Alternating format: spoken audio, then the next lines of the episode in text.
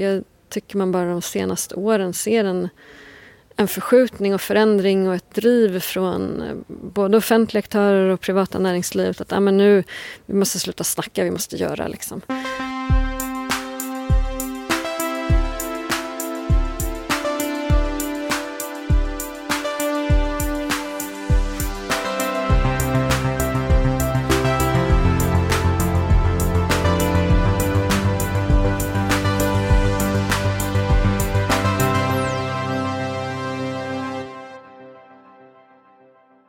Bra, där är jag framtiden. Jag heter Christian von Essen. Vi är idag på något som heter IVL, eh, Svenska Miljöinstitutet vid KTH.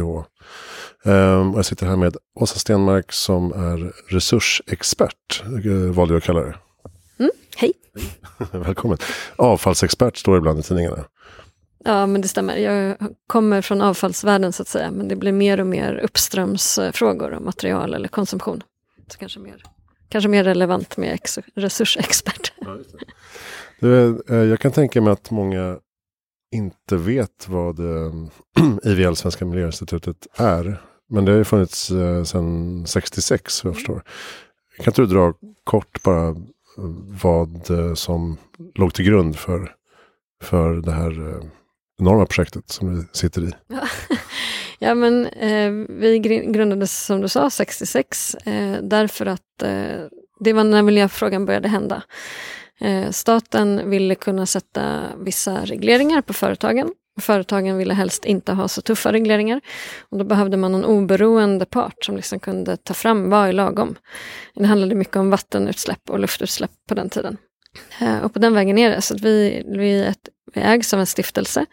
50-50 staten och näringslivet som äger stiftelsen. Så vi är delägda eh, på så sätt. Och vi ska vara oberoende, göra oberoende miljöforskning. Och sen vatten och luftvård, vilket ligger till grund för Institutet för vatten och luftvårdsforskning, IVL, så har ju miljöfrågan svällt eh, jättemycket. Och därför så tyckte man på, redan på 90-talet att vi behöver byta namn men vi vill behålla vår förkortning. Så därför heter vi IVL, Svenska Miljöinstitutet. Vi jobbar med alla typer av miljöfrågor. Nästan över 300 personer som jobbar med det på olika sätt. Um, och hur bra är vi i Sverige på det här området? På miljö generellt? Vilken bred fråga. Eh, jag skulle säga att vi på vissa områden är jättebra och ligger långt fram. Vi har ju bra rening på våra fabriker, lite vattenutsläpp från dem och sådär. På andra områden såsom till exempel konsumtion som jag jobbar mycket med är vi ju usla. Vi konsumerar hur mycket som helst, alldeles för mycket. Eh, vi är ganska bra på källsortering, eh, men långt ifrån, kanske bland de bästa i världen på källsortering, men det är långt ifrån tillräckligt.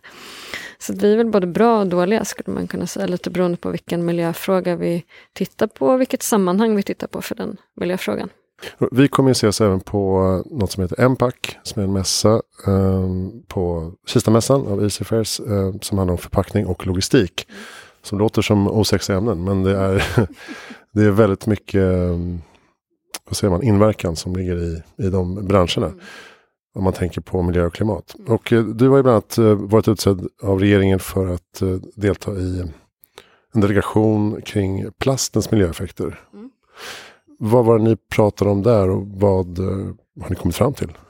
Mm, alltså under 2018 så var jag särskild utredare för, det heter ju statliga utredningar, um, och tittade som du sa på plastens miljöeffekter. Hur kan vi göra plast, svensk plastanvändning hållbar, hållbarare? Eh, och vi har en hel radda med förslag, jag tror att det är 30 sidor med olika förslag till både till vad regeringen skulle kunna göra, form av styrmedel och andra mer, vad ska säga, sånt som regeringar bestämmer över. Eh, men även till privata företag och offentliga verksamheter vad de skulle kunna göra vad gäller plast. Och väldigt kort så kan man sammanfatta det i fyra olika ben kan man säga att man kan bygga det här på. Eh, och det ena är smartare användning. Eh, vi använder för mycket plast, eller vi konsumerar för mycket generellt, men plast är en del av det. Så att minska konsumtionen generellt är en viktig faktor. Eh, till exempel i plastsammanhang kan det vara så enkelt som att inte ha engångsplastartiklar eh, eh, till personalen på fester. Ehm, eller att eh, använda plast där det är smart. För i vissa sammanhang är plast kanske det bästa materialet, gör att produkten håller länge, går att diska eh, och så vidare. Så att, och gör den kanske resurseffektivare på andra sätt. Plast i bilar gör att vi drar mindre bränsle och så vidare. Så att, eh, och i vissa fall är det kanske smart att vi, vi vill ha produkten men vi kanske ska byta ut det mot ett annat material. Så de tre komponenterna kan man säga tillsammans bygger smartare användning. Mindre användning, eh, ibland byta ut och ibland, eller rätt material på rätt plats skulle man kunna säga. Och eh, sammanfattar väl de två sista. Så det är en del. Den andra delen är att vi behöver återvinna mycket mer. Vi återvinner, om man tittar på förpackningarna, ungefär 20 procent av de förpackningarna vi har om man tittar på plast totalt, eh, bara 10 procent. Och det är ju väldigt lite om vi ska tänka att vi ska ha ett cirkulärt samhälle. Eh, så det behöver bli mycket, vi behöver bli mycket bättre. Vi behöver bli bättre på att samla in plasten. Eh, alla former av plast. Vi behöver bli bättre på att se till att den hamnar i produkter igen. Eh, och så vidare. Det kopplar jättemycket till design, det kopplar till efterfrågan, det kopplar till ekonomi. Väldigt många frågor är det där. Och samtidigt så vill vi, måste vi också göra det säkert så att vi inte sprider farliga ämnen. För plast har ju en egenhet av att ibland ha farliga ämnen i sig för att vi vill ha vissa egenskaper. Så det är en del. Den, den tredje delen är att vi har ett system som idag läcker plast, nedskräpning. Där gjorde utredningen en lista på vad, vad är de tio vanligaste produkterna i nedskräpningen. Det var ju ganska hands-on. Eh, ser ut som vilka andra sådana listor som helst. Så tops och engångsbestick och flaskor hamnar på listan, ballongpinnar och så vidare. Eh, men vi tittade också en hel del på den här vad, vad som eh, gemene man lägger i begreppen bionedbrytbar och biobaserad plast och har en del resonemang kring det. Eh, och med koppling till det så är det fjärde benet förstås att vi ska vi säger att vi vill vara fossilfria 2045 i Sverige. Det behöver ju även gälla våra material. Och där är plasten en, ett material som idag är eh, till 95% fossilt. Återvunnen plast kan man ju räkna bort visserligen kanske då, men det är mycket fossilt kvar att jobba med om man säger så. Så att eh, de där fyra benen belyste vi på olika sätt och för varje, vart ett av dem så har vi olika förslag om vad man skulle kunna göra. Och hur ser responsen ut från plastindustrin då? De jobbar väl också med de här frågorna jättemycket? Ja, en sak som slog mig under utredningen och som jag tycker fortsätter slå mig nu, nästan, det är nästan ett år sedan vi eh, liksom lämnade över den till regeringen. Eh, det är ju att det händer så otroligt mycket på, den här, på, på det här. Vi började hösten 2017, så för nästan två år sedan. Eh, och redan då var det, det var så tydligt att man, eh, plastbranschen, även andra branscher och plasten finns ju i så många av våra värdekedjor, nästan allt vi omger oss om har ju någon komponent av plast. Eh, att alla liksom såg att okej, okay, men det börjar närma sig ohållbart här, vi måste göra någonting, vad gör vi? Liksom. Så det finns en otroligt stort momentum och driv i att försöka göra det bättre. Sen kan man när man är otålig tycka att det går ganska långsamt, men om man ser det i större perspektiv så händer det hände då och händer fortfarande väldigt mycket från alla olika instanser egentligen. Många förfäras nu över plast i haven till exempel. Varför hamnar plasten i haven från början? Eh, kan det även gälla svensk plastanvändning? Mm, ja, men det kan det absolut. Den, den största delen av den plasten som hamnar i haven kommer från nedskräpning. Ehm, och nedskräpning kan ju hända på olika sätt. I Sverige har vi nedskräpning, vi tror att vi inte är så, att vi inte skräpar ner så mycket, men vi är ganska, det finns, ligger ganska mycket på våra gator och torg. Och en del av det är ju plast. Eh, så det är en typ av läckage, liksom att, att vi faktiskt inte har, eh, eller slänger det där det ska vara. Eh, sen i Sverige så, så det är också det att när man hanterar plast så blåser det lätt bort. Liksom. Så från avfallsanläggningar och sorteringsanläggningar så behöver man ha ganska noggrann kontroll så att det inte sprids därifrån. Ännu mer om du handhar i hamnar eller eh, plasten ska fraktas på olika sätt, att det kan spridas på det sättet. Eh, så det är vad vår svenska spridning är. Här liksom inom nationens gränser så att säga. Eh, där den största delen faktiskt är vi människor som är dåliga på att slänga det i i papperskorgar. Eh, eller återvinningen. Eh, I andra delar av världen ser det lite annorlunda ut. Där sprids ofta för plast för att man har inte tillräckligt bra avfallshanteringssystem. Alltså det finns ingen soptunna att lägga den i, ingen som tar hand om den. Den läggs på en tipp och därifrån, alltså en, en öppen tipp, där kan det blåsa vad som helst. Eh, så det är en stor orsak till spridning i, i resten av världen, framförallt den mindre, eller vad vi, liksom mindre avfallsutvecklade världen. Eh, och sen har det ju också historiskt sett varit så att vi har skickat mycket av vår förpackningsplast till Kina till exempel eller andra länder där arbetskraften är billig och ska man inte glömma även där produktionen sker av de råvarorna som vi köper sen tillbaks som ofta är av plast. Så de behöver också råvaran men de har ju, och då sorterar de ut precis det de vill ha men resten kan inte de ta hand om. Återigen ett dåligt avfallshanteringssystem. Och då sprids det därifrån. Det är därför man till exempel sett larmrapporter man hittar tyska plastpåsar i Stilla havet och så vidare. Det är så, så sprids ju plasten.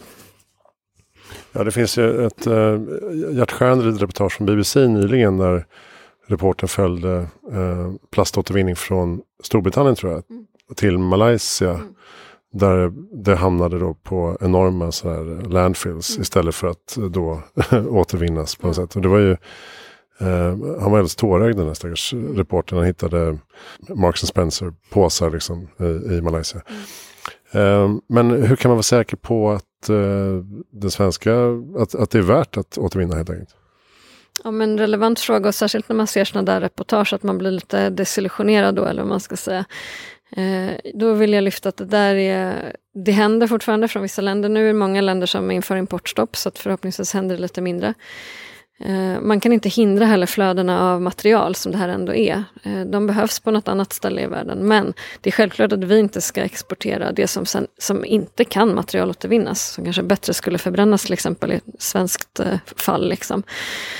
För den svenska konsumenten så är det väldigt enkelt att tänka att det kommer löna sig därför att de som har hand om vårt producentansvar som finns på förpackningar och tidningar. De heter Förpacknings och tidningsinsamlingen. Uh, och där de har underbolag, där finns det Svensk plaståtervinning som är de som har hand om alla, som ska ta hand om våra plastförpackningar. Vi betalar en avgift när vi köper en plastförpackning som ska liksom se till att, att det finns ett system på plats. Och man har Tidigare har vi sorterat en del av det i Sverige och en del av det har skickats till Tyskland för sortering. Inte till Kina utan till Tyskland. Sen vad som har hänt därifrån är ganska svårgenomträngligt. Eh, det är också svårt att följa de här flödena. Men sen eh, i våras eh, så finns det nu en svensk anläggning som de har byggt som ska ta hand om den svenska plasten. Den har kapacitet att ta hand om all vår förpackningsplast. Om vi nu skulle bli oändligt mycket bättre på att sortera ut plast också. Så att eh, som svensk konsument kan man ju vara säker på att det vi lägger i återvinningen det kommer gå till den anläggningen för en första sortering. Det vågar jag lova. Uh, och nu finns det även någon slags som jag såg, ny pantvariant på mm. plastpåsar. Mm. Vilket är ganska smart. Man får tjäna credits i en app mm. om man skannar. Och man kan bara scanna påsen när man står vid en återvinning. Det är ganska coolt. Det heter Panta på. Uh, och det är en, ett jättebra exempel på när man försöker utveckla systemet att liksom hitta mer drivkrafter att få in plasten helt enkelt. För det är vi kan se när vi gör plockanalyser i folks vanliga soppåsar att vi är ganska dåliga på att sortera ut plast fortfarande. Så det är inte allt vi... Man har inte ens en chans att nå upp i, i 100% återvinning för att vi inte får inte ens in liksom, eh, så mycket. Så det är ett jättebra exempel på som, man, som jag hoppas skulle kunna vidgas till fler grejer för att mm. få in saker till återvinning. För att vi privatpersoner ska känna oss motiverade till det. Ja, måste, man måste få in beteendet i ryggmärgen. Men, men eh, överhuvudtaget tycker jag det är fascinerande när man ser på det svenska. Vi är så vana vid det svenska pantsystemet. Mm. Men det finns ju knappt i världen. Mm. Varför är det så? Kan vi inte eh, exportera den här fantastiska idén? Ja, nej, men visst är det så att när man åker till andra länder, eh, det, man behöver inte åka så långt i Europa för att det, man verkligen inser varför eh, petflaskor dyker upp som en av de här tio på skräplistan och kanske inte gör det i samma utsträckning i Sverige.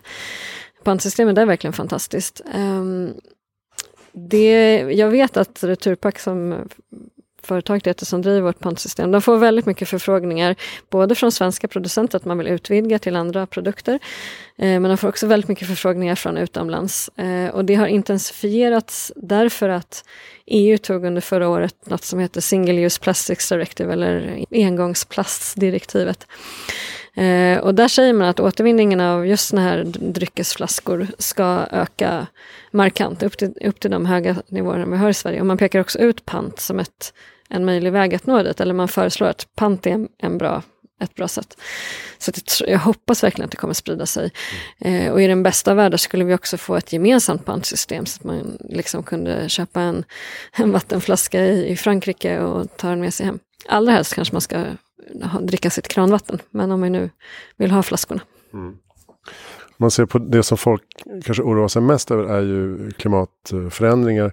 Och man pratar om eh, vissa, vissa aspekter av vår livsstil har ju liksom fått kanske lite väl mycket fokus. Alltså mm. flyg och kött mm. till exempel. Eh, nu börjar även kläder komma in i, i mixen. Eh, men vad skulle du säga, vad är liksom nästa steg som vi måste ta tag i? Alltså jag tänker klimatförändringarna är tydliga för oss att det, att det är oro, orosskapande så att säga. Och det är ju mycket, som, mycket mer än de här sakerna du nämnde som driver dem egentligen. Eh, jag tycker att vår konsumtion rent generellt behöver ses över. Det är inte bara att det är just köttet eller just flyget eller just hur mycket kläder vi har. Det är liksom på totalen att vi omger oss med för mycket saker. Eh, att vi har för snabbt flöde av saker, det konsumerar för mycket resurser. Och jag kommer ju från den vad ska jag säga, materiella resurssidan, liksom, så jag kan ju också se det. Det är ett för stort flöde av råvaror. Eh, för vi har, ju, alltså vi har ju till exempel material vi kallar för kritiska eh, jordartsmetaller som inte finns hur mycket som helst eller som finns på otroligt konfliktdrabbade områden och så vidare. Eh, som vi bara förbrukar som om det inte fanns någon morgondag. Liksom. Och det måste vi ändra på. Så att, eh, för mig, jag brinner för det där med material, att, att de ska ha en cirkulär och hållbar användning. Eh, jag hoppas att det kan bli nästa fråga. Den är starkt länkad till hela klimat liksom, också. Eh, men kanske lite mer undanskymd än transporter och uppvärmning som ofta blir det vanliga man pratar om. Eh, så jag tänker att vi behöver fundera över konsumtion rent generellt och då är det så himla lätt att tänka att ah, men herregud, ska vi tillbaka till 1900-talets början liksom, eller eh, vi får inte köpa någonting eller ja, det, blir, och det blir så tråkigt. Sådär. Eh, men det skulle räcka med, har man räknat ut, att det är ungefär 70-talet vi pratar om, liksom, ungefär den takten på konsumtion. Jag tror inte att det var någon som, som levde på 70-talet som tyckte att det var jättedåligt, utan det är snarare att vi har liksom ökat från någon slags bra nivå till något ohållbart. Så att, eh, lite mer eftertanke i konsumtionen, det är nog det jag uppmuntrar alla till. Mm. Hur kom du in på det här området och varför blev du avfallsintresserad? Eh, eh Avfallsnörd? Ja, det var faktiskt en slump. Jag råkade göra mitt exjobb eh, i Vietnam och gjorde ett avfallsklassificeringssystem där. Eh, som förmodligen står och värmer någon hyllmeter eller sådär. Eh, inte har blivit så mycket använt kanske, men det fick mig att få upp ögonen för avfall som sådant. Och sen fick jag jobb här på IVL och har jobbat med de här frågorna sedan dess. Och det är ju det är så roligt att se att det på 17 år eller vad det kan vara på totalen har gått ifrån lite som, precis som alla, många miljöfrågor har gått ifrån vara end of pipe, liksom vi ska lösa någonting med återvinning och vi pratar om det till att vi nu pratar om okej, okay, vad har vi, vad, vad, får vi för flöden överhuvudtaget och hur, hur tänker vi på totalen kring material och sådär. Så det är en väldigt rolig utveckling. Mm. Jag älskar det. Och ni pratar ju mycket om, eh, ni pratar om stadsplanering och eh, cirkulär ekonomi och eh, de urbana områdenas eh, liksom, ansvar och möjligheter. Mm.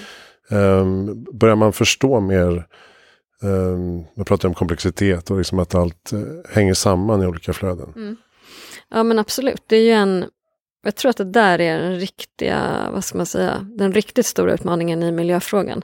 Att vi, vi människor är bra på att se på en fråga i taget oavsett vad det handlar om egentligen. Men eh, väldigt tydligt i miljön då kanske att vi tittar på vattenutsläpp, vi tittar på luftutsläpp, vi har klimatet, vi har liksom, men, men den största effekten skulle vi förmodligen få om vi tog allt tillsammans, det brukar kallas för nexusperspektiv, att man ska väva ihop allting.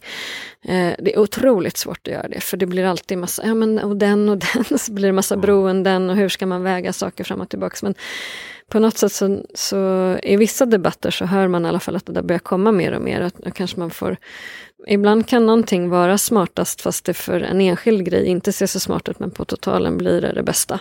Och det är så vi måste liksom lära oss att tänka men det är ju oerhört komplext att försöka ta hänsyn till allting. Det blir väldigt svartvitt också. Ja. Kött är dåligt, plast är dåligt, palmolja är dåligt, GMO är dåligt. Man bara, ja, inte alltid kanske. Sådär. IVL bygger på samverkan mellan um, akademi och um, näringsliv och mm. det offentliga. Mm. Är det en liksom unik samverkansform om du ser på internationellt? Jag kan tänka mig att det är många som hamnar i det nu. Mm. Men uh, under liksom 50 plus år, mm. har det varit uh, en stor styrka? Ja men det tror jag absolut. Och jag tror egentligen en insikt som jag har fått mer och mer är att vi är ganska unika i Sverige rent generellt på samverkansgrejer. Det är man inte så bra på i andra länder faktiskt. Vi tar det lite, har det lite grann i ryggraden med modersmjölken eller hur man uttrycker det. Att vi samverkar ganska ofta. Eh, så på så sätt kanske vi inte har varit så unika ur en, i ett svenskt perspektiv, men i ett internationellt perspektiv, absolut. Eh, och det är också det jag tycker är roligast med att att eh, jobba här är ju just det att vi, en av våra kärnvärden är från vetenskap till verklighet. Att vi ska, liksom verkligen, vi ska ta forskning och så ska vi se till att den kommer till nytta.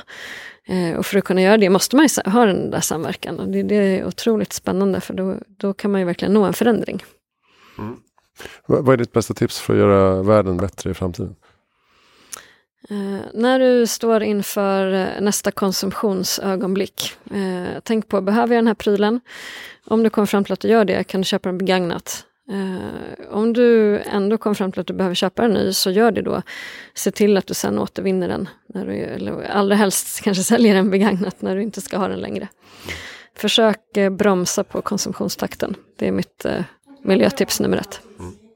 Har ni bra lästips på det här området? Eh, jag kan rekommendera massor med liksom vetenskapliga rapporter, beror på vilket område man är intresserad av. Alltså jag tycker att EU-kommissionen gör en del bra rapporter. De har gjort en väldigt bra kring plast. Eh, liksom övergripande plast i Europa. Använd, både användning av avfallshantering som jag tycker är bra. Eh, om man vill läsa om plast på svenska så får jag rekommendera min egen utredning. Mm. eh, som man kan hitta på SOU 2018-84. Ehm, men annars rent generellt miljömässigt eh, så är vår egen hemsida en guldgruva för bra rapporter. IVL.se. Bra. Vem tycker att jag ska intervjua i Heja Framtiden? Eh, jag tänker på sådana fram, det kanske du redan har gjort då, men sådana framtidsspanare, trendspanare, typ Carriers Future och den typen av, tycker jag ofta har spännande Uh, så skulle jag gärna vilja höra kronprinsessan Victoria. Ja.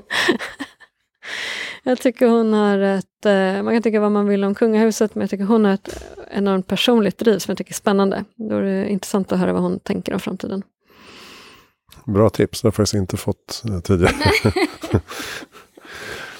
men har, har, du själv, har du själv, du jobbar ju med liksom stundtals bedrövliga frågor. Men har du själv eh, framtidshopp att eh, det här kommer att eh, gå att lösa? Så att säga? Absolut, alltså jag är världens optimist. Jag tänker att vi kommer vända det här. Det ser ju inte så ljust ut på många fronter. Helt riktigt, man kan ju bli lite bedrövad. Men alltså jag skulle nog inte jobba här om jag inte trodde att vi kunde vända det. För då skulle jobbet jag gör vara helt meningslöst. Mm. Så jag tror absolut det. Jag, tänker, tycker man bara de senaste åren ser en, en förskjutning och förändring och ett driv från eh, både offentliga aktörer och privata näringslivet. Att ah, men nu, vi måste sluta snacka, vi måste göra. Liksom. Eh, det tycker jag är oerhört positivt och gör mig, det gör mig glad och, och tycker att det är roligt att gå till jobbet. Så jag tror på framtiden, mm, det gör jag. Bra, tack snälla Åsa Stenmark för att du kom till eh, Heja Framtiden, eller för att jag fick komma till dig. till Heja Framtiden. Eh, Hejaframtiden.se, där finns allt du behöver veta. Och vi ses förstås på Empac, eh, Kistamässan, 2-3 oktober med eh, många sådana samtal om förpackning och logistik. Tack för att ni lyssnar.